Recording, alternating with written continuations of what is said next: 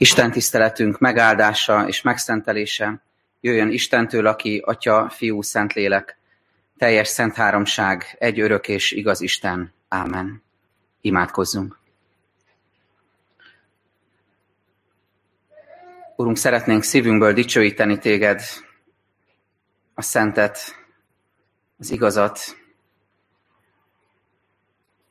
azt, akinek bölcs az akarata, azt, aki örökké való, azt, aki tökéletesen igazságos, és aki méretetlenül szeretetteli. Jó téged így látnunk, Urunk, ahogy kijelented magad, és így szeretnénk téged most magasztalni ezen a délelőttön. És szeretnénk megköszönni az utóbbi napokban, hetekben, különösen is intenzíven elénk hoztad vasárnapi istentiszteleten is, és áhítatokban is, azt a gondolatot, hogy mindennek rendelt ideje van. Köszönjük, hogy ezt elmélyítetted bennünk, és alázatra indítasz ezáltal, hogy amikor bennünk nagyon mocorok, hogy, hogy már nehéz várni valaminek a bekövetkeztét, vagy nehéz elfogadni valaminek az időzítését, akkor te csendre és, és alázatra intesz minket, hogy mindennek megvan a rendelt ideje és nem mi vagyunk azok, akik ezt megszabjuk, hanem Te, a mindenható Isten. Köszönjük, hogy ez a délelőtt is egy ilyen rendelt idő, amikor jöhetünk hozzád, hogy közösségben legyünk. Ez egy rendelt idő, amikor a Te asztalodhoz járulhatunk, és békességet találhatunk. Rendelt idő, amikor belenézhetünk a szabadság tökéletes törvényébe, a Te igédbe, és szembesülhetünk azzal, hogy kik vagyunk, és ki vagy te, aki magadhoz szólítasz. Kérünk, légy velünk, Urunk, és te taníts bennünket, szólíts meg személyesen. Ámen. Isten igét a mai napi új szövetség ige szakaszból olvasom, az apostolok cselekedeteiről írott könyv 28. részéből, ez a legutolsó része ennek a könyvnek, és ennek az elejét, az első tíz verset olvasom. Miután megmenekültünk, akkor tudtuk meg, hogy Máltának hívják ezt a szigetet. A barbárok nem mindennapi emberséget tanúsítottak irántunk, mert tüzet raktak, és a ránk zúduló eső és a hideg miatt minnyájunkat befogadtak. Amikor Pál összegyűjtött egy csomó rőzsét, és a tűzre tette, a meleg miatt egy vipera bújt ki belőle, és a kezébe mart. Amikor a barbárok meglátták a kezéről lecsüngő mérges kígyót, így szóltak egymáshoz. Bizonyára gyilkos ez az ember, aki a tengerből kimenekült ugyan, de az isteni bosszúállás nem engedi, hogy életben maradjon. Ő azonban lerázta a kígyót a tűzbe, és semmi baja sem esett. Azok pedig azt várták, hogy feldagad, vagy hirtelen holtan esik össze. Mikor azonban hosszas várakozás után azt látták, hogy nem történik semmi baja, megváltozott a véleményük, és azt mondták róla, hogy Isten. Azon a környéken volt a sziget elöljárójának, Publiusnak a birtoka, aki befogadott minket, és három napon át nagyon barátságosan megvendégelt. Történt pedig, hogy Publius apja lázrohamoktól és vérhastól gyötörve ágynak esett. Pál bement hozzá, és miután imádkozott, rátette a kezét, és meggyógyította. Miután ez megtörtént, a többi beteg szigetlakó is odament hozzá, és ő meggyógyította őket. Ezek nagy megbecsülésben részesítettek minket, és amikor elhajóztunk, elláttak bennünket minden szükséges dologgal. Ez Istenünk igéje.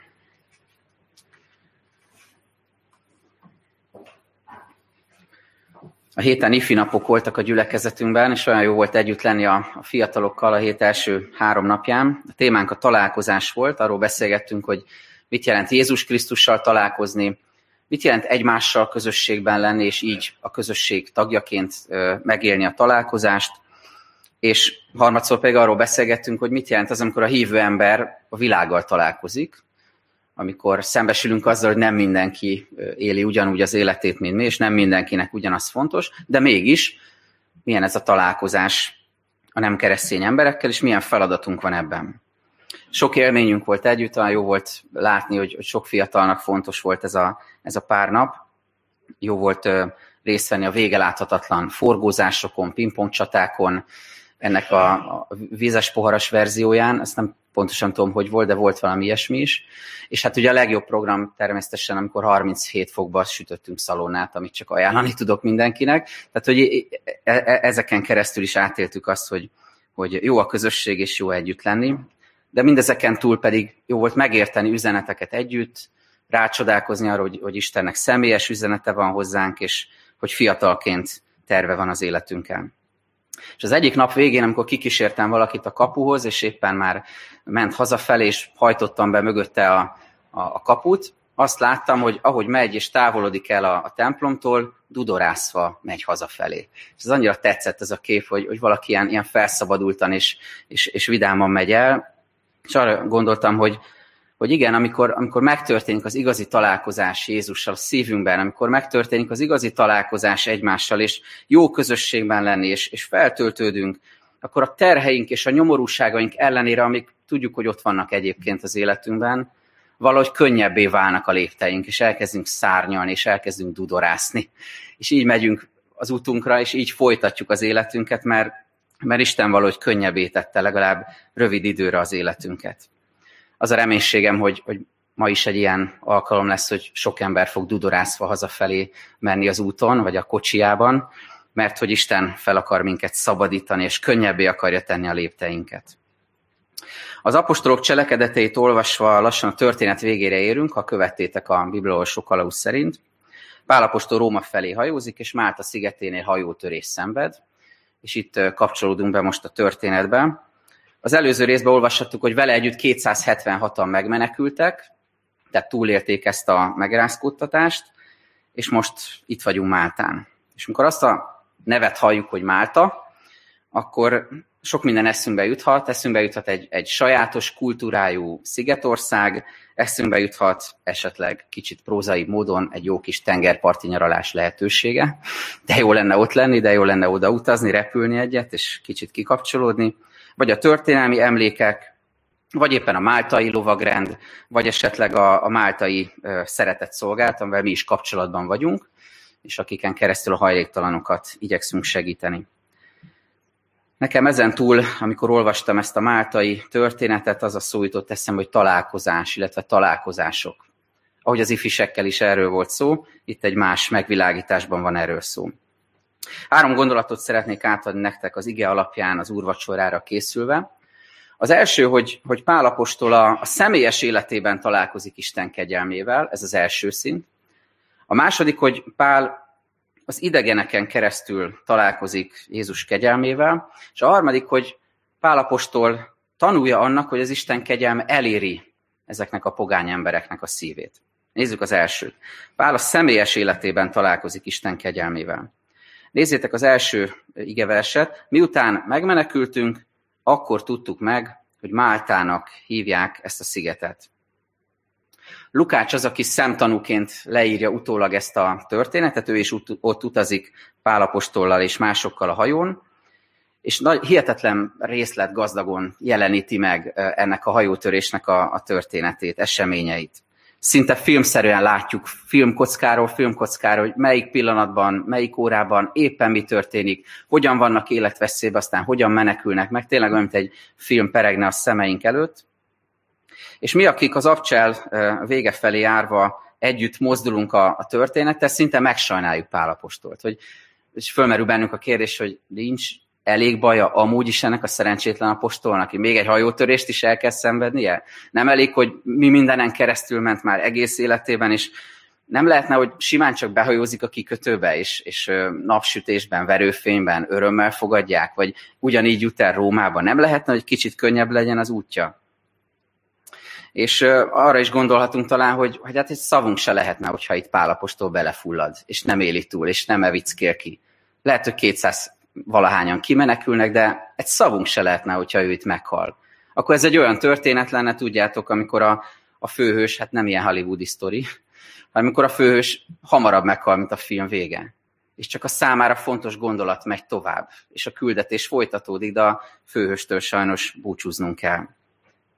És akkor eszünkbe juthat az a pillanat, amikor a pizidiai uh, Antiókiában beszél uh, Pálapostól arról, hogy, hogy mi mind pontosabban igen, ott beszél arról, hogy, hogy, hogy mi mindenem ment keresztül, és azt mondja, Zsidóktól ötször kaptam egy hián 40 botütést, háromszor megveszőztek, egyszer megköveztek, háromszor szenvedtem hajótörést, egyét és egy napot hányódtam a tenger hullámain, gyakran voltam úton veszedelemben, folyókon, veszedelemben rablók között, veszedelemben népem között, veszedelemben pogányok között, városban, pusztaságban, tengeren, áltestvérek között, fáradozásban és vesződtségben, gyakori virasztásban, éhezésben és szomjazásban, gyakori böjtölésben, hidegben, mezítelenségben.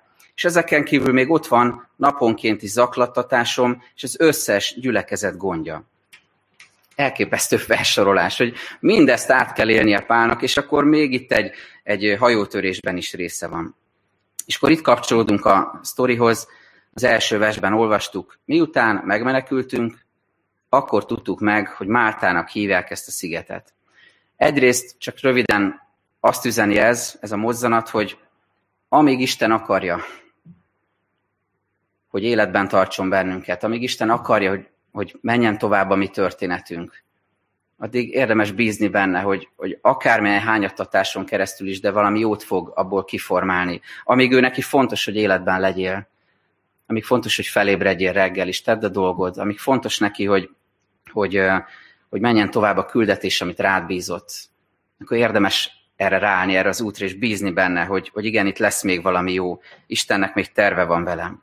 De a másik, amit kicsit hosszabban szeretnék ebből elmondani nektek, hogy, hogy amikor benne vagyunk valaminek a sűrűjében, akkor körülvesz bennünket a sok megpróbáltatás, akkor sokszor arra sincs idő, hogy, hogy körülnézzünk hogy hol vagyok, hogy mi történik velem, hogy hova is vetődtem. Ugye Pálék ki evickélnek, és akkor tudják meg már, miután megmenekültek, hogy hol is vannak egyáltalán. De amíg benne vagyunk a sűrűjébe, alig van arra idő, hogy körülnézzünk. Nézzétek meg, ha elolvassátok az előző részt, zuhogó eső, hullámok, deszkákba kapaszkodó, síró, kiabáló emberek, akik pró- mentik az életüket, próbálnak kiúszni a partra. És azt látjuk, hogy, és ez nagyon fontos, hogy itt Pál nem, nem olyan, mint a, a gótikus templomok színes üvegablakain a, a kisimult arcvonású szentek, vagy a, a barok ö, oltárképeken a nagyon letisztult kinézetű szent emberek, akik ilyen kegyes, most nem tudom megmutatni, tehát ilyen kegyes testtartásban vannak ábrázolva, és, és látszik, hogy hihetetlen boldogok, és, és nagyon fölfelé néznek általában. Szóval nem ilyen pálapostól, hanem, hanem a, a többiekkel együtt evickél kifelé, olyan, mint, mint a többi túlélő, akik küzdenek az életükért. Ő is egy a fuldokló emberek között, nagyon egyszerűen fogalmazva. Ő is egy, aki a part felé evickél, aki egy deszkába kapaszkodik, és próbálja menteni az életét. A különbség az, és ez ugyanolyan fontos, hogy ő már nem csak egy deszkába kapaszkodik, hanem van egy ígéret is a szívében, van egy bizonyosság is a szívében, amit Isten adott neki, amikor így tesz erről bizonságot, hogy, hogy azt mondta nekem az Úr, hogy pogányok világosságává teszlek, hogy üdvösségük légy a föld végső határáig. Értjük tehát, hogy nem arról van szó, hogy ő csak simán egy deszkába kapaszkodva elvickél ki a partra, hanem van egy bizonyosság a szívébe, és abba kapaszkodik bele. Ez a pál tehát kér a partra, és körülnéz, és történetesen Máltán van, ahogy olvassuk, akkor megtudják, hogy ott vannak, de nem is ez a lényeg, hogy hol vannak, hanem hogy, és ez az első üzenet, hogy találkozik az életét megmentő, hordozó, megtartó, segítő Jézusi kegyelemmel. És ahol itt ehhez most tudunk kapcsolódni, az úrvacsorára is készülve az, hogy most itt vagy, sok mindenen túl, hát az elmúlt heted is kicsit zaklatott volt, túl esetleg rossz döntéseken, túl bűnökön, túl szeretetlen szavakon, kudarcokon, küzdelmeken, testi vagy lelki fájdalmakon, ilyen part felé való evickéléseken, de itt vagy, és Jézus kegyelmét tapasztalva, látva, látva azt, hogy túlélted, most bízhatsz abba, hogy Istennek terve van veled, ezek szerint. Túléltél egy nehéz időszakot, túléltél egy hajótörést, lelki értelemben talán, de Istennek még van számodra feladata. És ahogy Pál nem csak deszkába kapaszkodik, hanem egy ígéretbe, erre hív most Isten, kapaszkodj ebbe az ígéretbe, ebbe a bizonyosságba, ebbe a valóságba, ebbe, a, ebbe az igei realitásba, hogy Istennek terve van még veled. Az úrvacsora ebben is megújíthat bennünket. Az első tehát, amiről beszéltünk, hogy Pálapostól személyes életébe találkozik a kegyelemmel. A második, hogy Pálapostól az idegeneken keresztül is találkozik a kegyelemmel. Nézzétek a második igeverset. A barbárok nem mindennapi emberséget tanúsítottak irántunk, mert tüzet raktak, és a ránk zúduló eső és a hideg miatt minnyájunkat befogadtak. Az a kifejezés, hogy barbárok az eredetiben nem azt jelenti, hogy rossz baltás emberek, akik az életünkre törnek, és primitívek, hanem barbár csak annyit jelentett ebben a korban, hogy idegen. Tehát hozzánk képest egy másik nép, egy idegen nép, idegen kultúrájú nép. És velük kapcsolatban olvassuk, és így még megdöbbentőbb, hogy nem mindennapi ember szeretetet tanúsítottak irántunk. Az eredeti szövegben az a szó van, hogy filantrópia, ember szeretet. Ezt azért mondom, mert pünköskor beszéltünk a filadelfiai gyülekezetnek írt levérről, talán még valakinek rémlik, hogy mit is jelentett az. Azt jelent ez a szó, hogy testvér szeretet, Filadelfia, és arról beszélgettünk, hogy az Isten lelke hogyan árad ki egy keresztény közösségre. És itt pedig egy hasonló szót látunk, ami egy még általánosabb, még átfogóbb, az egész világot átfogó kifejezés, ember szeretet. Az egymás iránti odafordulásunk, az egymáshoz való viszonyulásunk, filantrópia, ember szeretet. És ami igazán fontos lett nekem ebből, és nem is akarok nagyon belemenni, talán nem is kell ezt hogy ez, ez mennyire aktuális ma, itt mondjuk Magyarországon, de Európában is, meg az egész világon. Nagyon tanulságos, ahogyan a Biblia mindenféle szájbarágás nélkül formálja a szemléletünket az idegenekhez való hozzáállás tekintetében. Csak egy-két bibliai példát hadd említsek. Ahogyan a jerikói paráznanő Ráháb megmenti a zsidókémeket, az Isten választott népének a küldötteit. Ahogyan a Moábita nőtől Rúttól származik a messiás, hiszen ő Dávid király dédnagyanyja, és onnantól eredeztetjük a messiásnak, Jézus Krisztusnak a leszármazását. Ahogyan az irgalmas samaritánus nem tétovázik megmenteni egy számára ellenséges népnek a fiát, amikor ott van bajba jutottan vérző sebekkel az út szélén, és lehajol hozzá. És ő válik példává szeretetben, Jézus példázatában ahogyan a kapernaumi százados hitét példaként állítja Izrael elé Jézus, és azt mondja, hogy na ez már valami.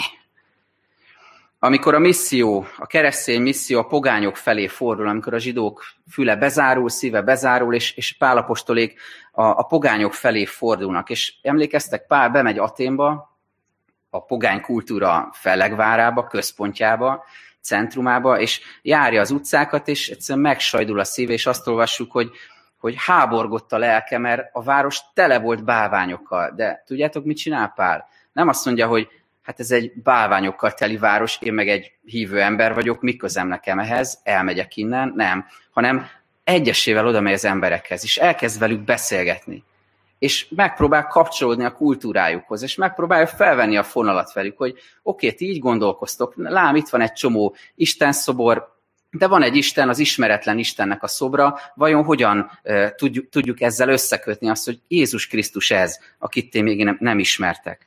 Értitek, hogy milyen, milyen szeretet, milyen missziós lelkület van Pálapostolban e felé, az idegen kultúra felé. Nem a lesajnálás, nem az ítélkezés, hanem, hanem a megmentő szeretetnek a megjelenése.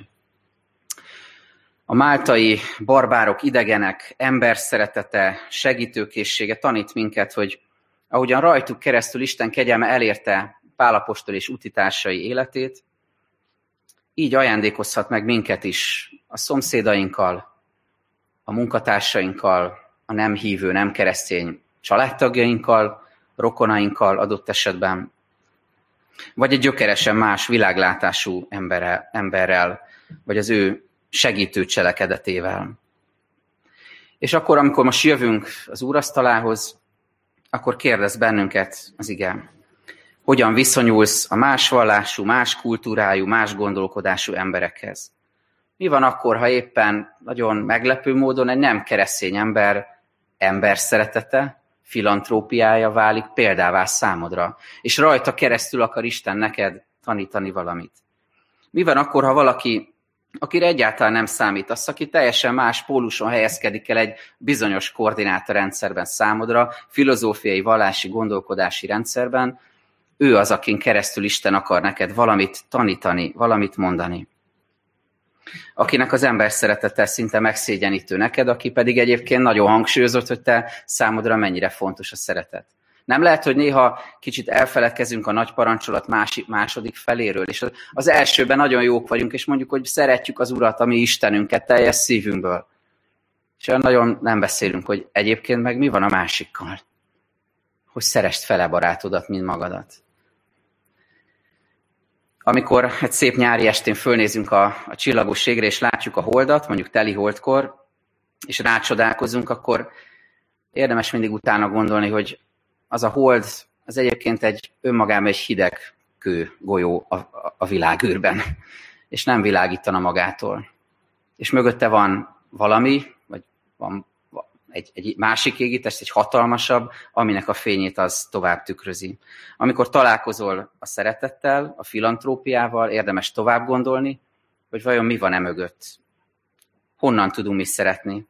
És amikor találkozol egy nem hívő embernek az életében a szeretettel, a filantrópiával, ahogyan Pál találkozik a máltaiak szeretetével, akkor érdemes Jézusra terelni a szót, és bizonságot tenni róla, hogy ő a mi világosságunk, ő az, aki az igazi szeretetet elhozta számunkra. Pál tehát találkozik a személyes életében a kegyelemmel, találkozik a máltaiak, a pogányok, a barbárok életében, a felé irányuló megmentő kegyelemmel, szeretettel, és végül Pál találkozik a pogányokat elérő gyógyító kegyelemmel.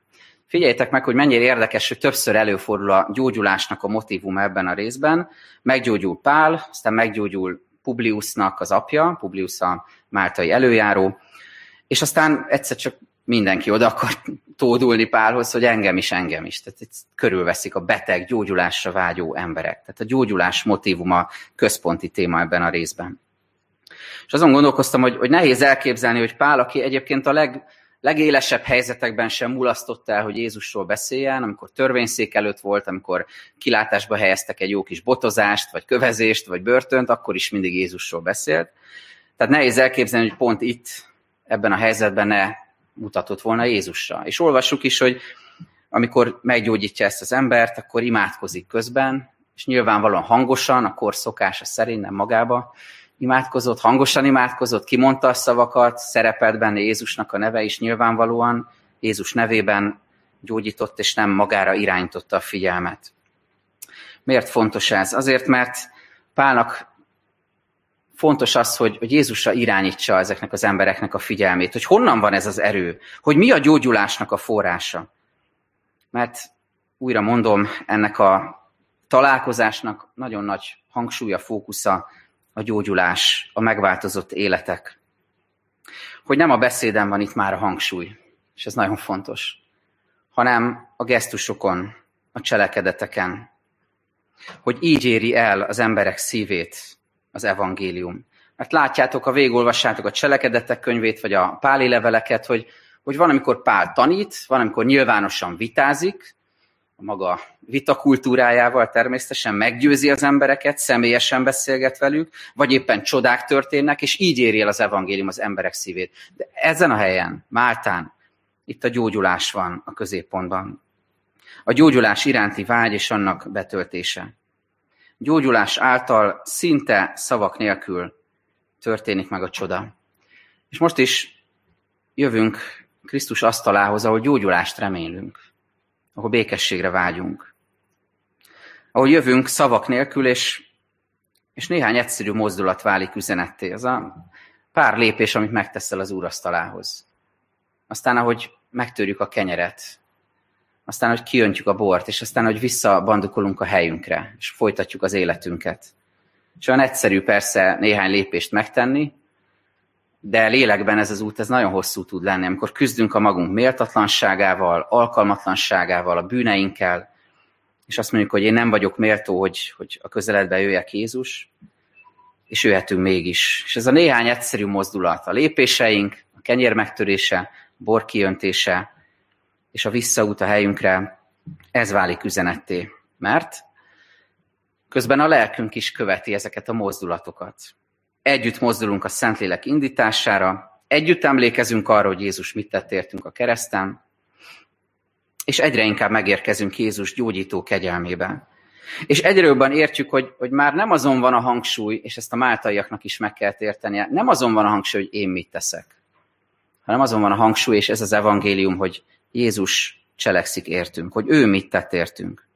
Ez a kegyelem, aminek a máltaiaknak is része volt, és ami, aminek tanulja Pálapostól is.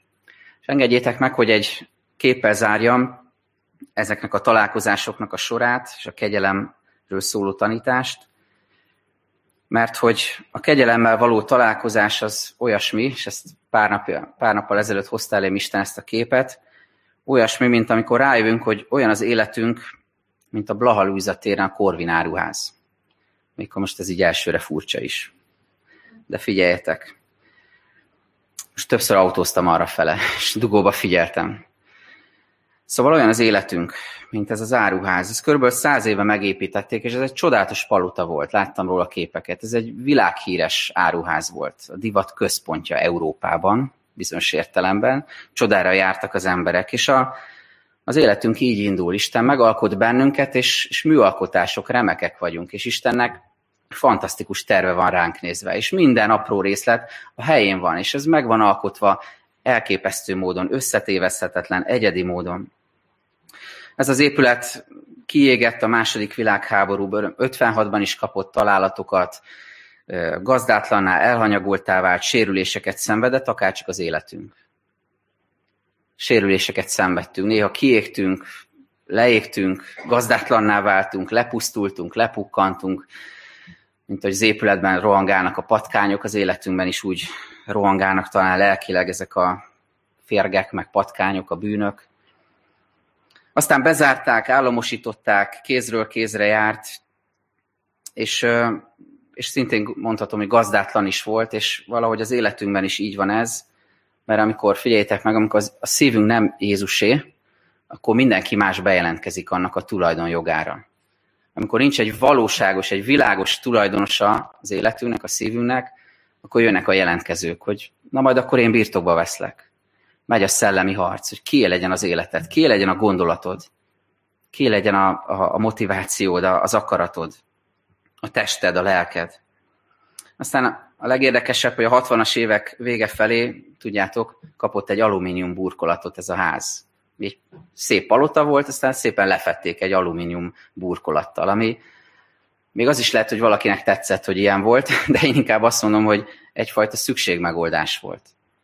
És az életünkben ugyanezt történik, amikor megpróbáljuk elfedni a szégyenünket, a bűnünket, a lepukkantságunkat, a leégettségünket, a sebeinket, a romjainkat, megpróbáljuk elfedni egy nem túl igényes alumínium burkolattal már nem annyira lényeges, ez hogy néz ki. A lényeg, hogy ne, ne látszódjon, ami alatta van. Ne látszódjon, ami igazán a szívedben van, igazán a mélyén van. Felépítesz egy burkot, és szépen elbújsz mögé. És nem nagyon kell foglalkozni, hogy egyébként mi van a mélyben. De a reménység ott van, hiszen hogy arra autóztam, láttam, ez talán már régebben történt, csak én most szembesültem vele, hogy leszették ezt az alumínium burkolatot az áruházról. És ott az esélye, hogy felépüljön újra megszépüljön újra, felújítsák újra ezt az épületet, és visszaállítsák, helyreállítsák. Az evangélium ezt hozzá a szívünkbe, a helyreállításnak a reménységét, hogy Isten helyreállít bennünket is. Hogy ott vannak a sebeink, még mindig ott lehetnek, de Jézus jön, hogy gyógyítson minket, közel jön a kegyelmével, és helyre akar állítani bennünket. Hogy úgy nézzünk ki, ahogy eredetileg eltervezett, hogy olyan legyen az életünk, amilyen az Istennek az eredeti elgondolása volt hogy az ő dicsőségét hirdesse, hogy ne legyen kérdés, hogy kihez tartozik az életünk, a szívünk. Ha tehát most ezen a délelőttön találkozunk Jézussal, találkozunk egymással és az ő kegyelmével, az úrvacsorában, az Isten tiszteleten, akkor ahhoz a bizonyos ifis testvérünkhöz hasonlóan könnyebb léptekkel és dudorázva mehetünk tovább, mert találkoztunk Krisztus kegyelmével. Így hív bennünket most az ő asztalához. Gyertek! Amen.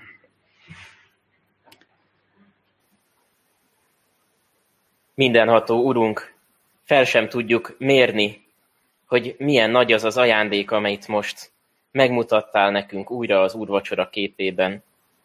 Fel sem tudjuk mérni, hogy milyen nagy áldozatot kellett neked hoznod, Nem csak a kereszten, hanem már azzal is, hogy testélettél, itt jártál közöttünk, átélted az emberi élet minden szenvedését, elutasítottságát, megbélyegzését. Urunk, és köszönjük, hogy a legnagyobb mélységet jártad meg helyettünk, miattunk és értünk, amikor kimondtad a kereszten, hogy az Atya elhagyott téged. Köszönjük, hogy ezt nekünk már nem kell elmondanunk. Ezt nekünk már nem kell átélnünk, sőt, a mennyei világba lettünk ültetve, igaznak lettünk nyilvánítva, nem azért, mert mi olyan jók voltunk, hanem mert Te, Úr Jézus, olyan hűséges és jó voltál értünk. Arra kérünk most, hogy legyél velünk szent lelkeddel, indíts minket minden nap hálára, hogy az életünk legkülönbözőbb területein, a legkisebb dolgokban is fölragyogtassuk a te szeretetedet, kapcsolatokat megújító, begyógyító kegyelmedet, és azt a hálás szívet, ami akkor tölt el minket, mikor arra gondolunk, hogy milyen nagy ajándékot adtál nekünk. Arra kérünk, legyél így velünk minden nap, egész életünkben. Amen. Fennállva mondjuk el az Úr Jézus Krisztustól tanult imádságot. Mi atyánk, aki a mennyekben vagy, szenteltessék meg a te neved. Jöjjön el a te országod, legyen meg a te akaratod, amint a mennyben, úgy a földön is. Mindennapi kenyerünket add meg nekünk ma, és bocsásd meg védkeinket, miképpen mi is megbocsátunk az ellenünk védkezőknek. És ne védj minket kísértésbe, de szabadíts meg a gonosztól, mert tiéd az ország, a hatalom és a dicsőség mindörökké. Amen.